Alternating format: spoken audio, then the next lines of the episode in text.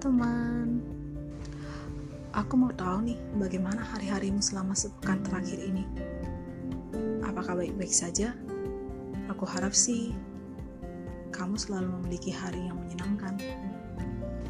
Namun jika pun tidak, tidak masalah. Tidak masalah jika harimu berat. Tidak masalah jika di suatu waktu kamu melewati hari di mana kamu merasa marah, kesal, sedih, jengkel, ataupun terjatuh. Itu semua tidak masalah. Tidak masalah untuk tidak apa-apa. Asalkan kamu jujur pada dirimu sendiri bahwa ya, aku sedang tidak baik-baik saja dan aku butuh waktu untuk memperbaikinya. Apalagi di akhir pekan ini, aku pikir akhir pekan adalah waktu yang paling baik untuk kita menyegarkan diri, waktu yang paling baik untuk kita beristirahat sejenak. Sehingga ketika kita akan memulai kembali, kita akan kembali dengan keadaan yang baik-baik saja untuk sebuah hal yang baik dan sangat baik. Malam ini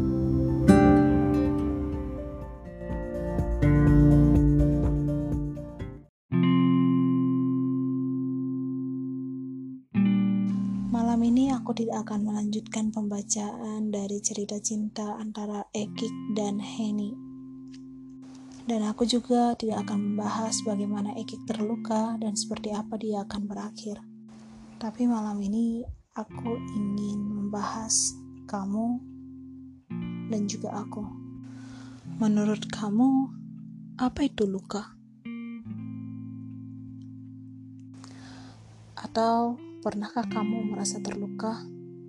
Mungkin luka yang ada di pemikiran orang-orang pada umumnya adalah luka secara fisik. Ketika kamu terjatuh, kamu terluka Ketika kamu kena sayat benda tajam, kamu akan terluka. Atau ketika kamu kena percikan api atau minyak panas, kamu akan terluka. Namun, yang aku tanyakan di sini adalah luka batin. Aku harap sih kamu mengerti apa yang aku maksud.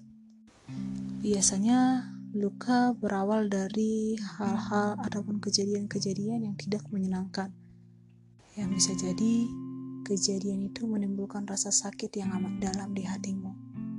Dan mungkin saja itu akan mengubah hidupmu, mengubah aktivitasmu, mengubah banyak hal di dalam hidupmu. Jika kamu pernah merasakan perubahan seperti apa yang kamu alami, apakah perubahan hidup yang jauh lebih baik, atau jangan-jangan perubahan yang sangat-sangat tidak baik, bahkan itu mengganggu aktivitasmu. Jika dilihat dari kebanyakan kasus sih, kebanyakan perubahan yang dialami adalah perubahan yang sangat aktivitas mereka. Tapi aku tidak tahu dengan kamu bagaimana. Namun jika kamu bertanya kepada aku, aku akan menjawab bahwa rasa sakit itu sangat mengubahku itu sangat mengganggu aktivitasku, itu sangat mengganggu hari-hariku, bahkan malam-malamku. Rasanya aku tidak ingin menemui Fajar. Rasanya aku tidak ingin berjumpa dengan hari esok. Namun kenyataannya, aku tetap saja berjumpa. Seringkali yang kupikirkan adalah bagaimana hari ini cepat berlalu tanpa aku merasakan sedetik pun daripadanya. Dan jujur, aku sadar ternyata bahwa luka batin itu membutuhkan waktu yang cukup lama untuk menyembuhkannya. Jauh berbeda dengan luka fisik. Ya, tidak tahu mengapa. Tapi itulah adanya.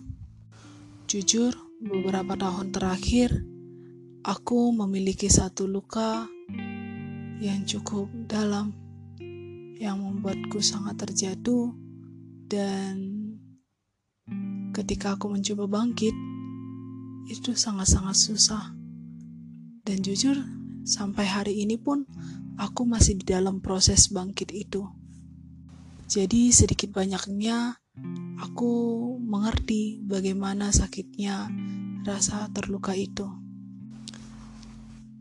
Orang-orang memiliki luka batin mungkin disebabkan oleh banyak hal. Entah itu keluarganya, entah saudara-saudaranya, ataukah ayah dan ibunya, ataukah ada perpecahan yang dia alami, ataukah karena teman-temannya, sahabatnya, pekerjaannya, atau perkataan-perkataan orang-orang di sekitarnya, itu pun cukup mampu untuk mengubah kehidupan seseorang. Sebagai seseorang yang pernah merasakan luka, aku tahu betul bahwa peran orang-orang di sekitar sangatlah membantu. Mungkin itu peran dari keluarga, ataukah peran dari sahabat-sahabat terkasih. Dan kalau ditanyakan siapa orang-orang terdekat yang sangat berperan membantuku pada masa-masa itu, aku mau jawab mereka adalah keluargaku dan sahabat-sahabatku. Dan hal yang paling Aku syukuri adalah aku memiliki sahabat-sahabat yang tangguh, yang kuat, yang super, sehingga dengan adanya mereka, aku boleh bertahan hingga saat ini. Dan sebagai seseorang yang pernah merasakan luka, aku juga tahu betul bahwa berbagi cerita adalah hal yang cukup melegakan.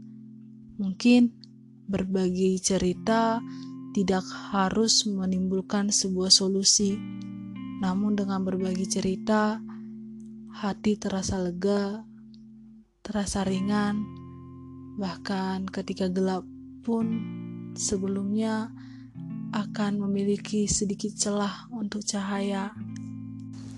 Dan sebagai seseorang yang pernah merasakan luka juga aku tahu betul bahwa berbagi cerita itu adalah hal yang sangat melegakan. Berbagi cerita mungkin tidak harus memunculkan sebuah solusi, namun dengan berbagi, percayalah bahwa itu akan menimbulkan kelegaan tersendiri bagi kita. Selain itu juga orang yang mendengarkan cerita kita akan membantu kita di dalam doa-doa mereka. Itulah mengapa aku ingin sekali kalian juga teman-temanku yang ada di luar sana ketika kalian berbeban berat menggumulkan suatu hal atau mungkin seperti tidak ada jalan aku sangat menyarankan kalian. Tolong cari orang-orang yang kalian percaya untuk berbagi cerita. Bagikan sedikit tidaknya cerita kalian kepada mereka. Mungkin itu kepada orang tuamu, atau jika kamu segan berbagi dengan orang tuamu, mungkin itu kakak, abang, atau adik kamu, atau sahabat-sahabat terdekat kamu. Percayalah bahwa itu sedikit membantu kamu untuk bertahan dan melanjutkan hidup. Tidak sedikit orang-orang di luar sana yang merasa seperti tidak ada jalan dan mengakhirinya dengan hal-hal yang sangat tidak baik.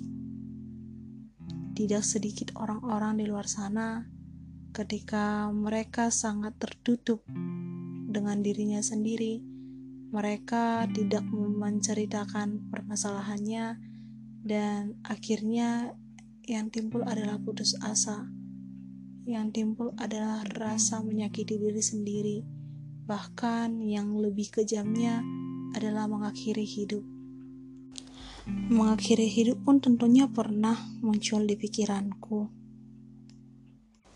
Namun entah mengapa yang ada di pikiranku saat itu, oh tidak, itu bukanlah tindakan orang beriman. Ya, aku mempercayai bahwa Sang Penciptaku tidak akan membiarkan masalah lebih besar daripada dia sendiri. Jadi, teman-teman, selain menceritakan kepada orang-orang di sekitar, orang-orang yang kita percaya, berceritalah juga kepada sang pemilik kehidupanmu, karena percayalah bahwa Dia yang memilikimu, Dia yang mengetahui segala hal tentangmu. So, tetap berdoa dan tetaplah bahagia.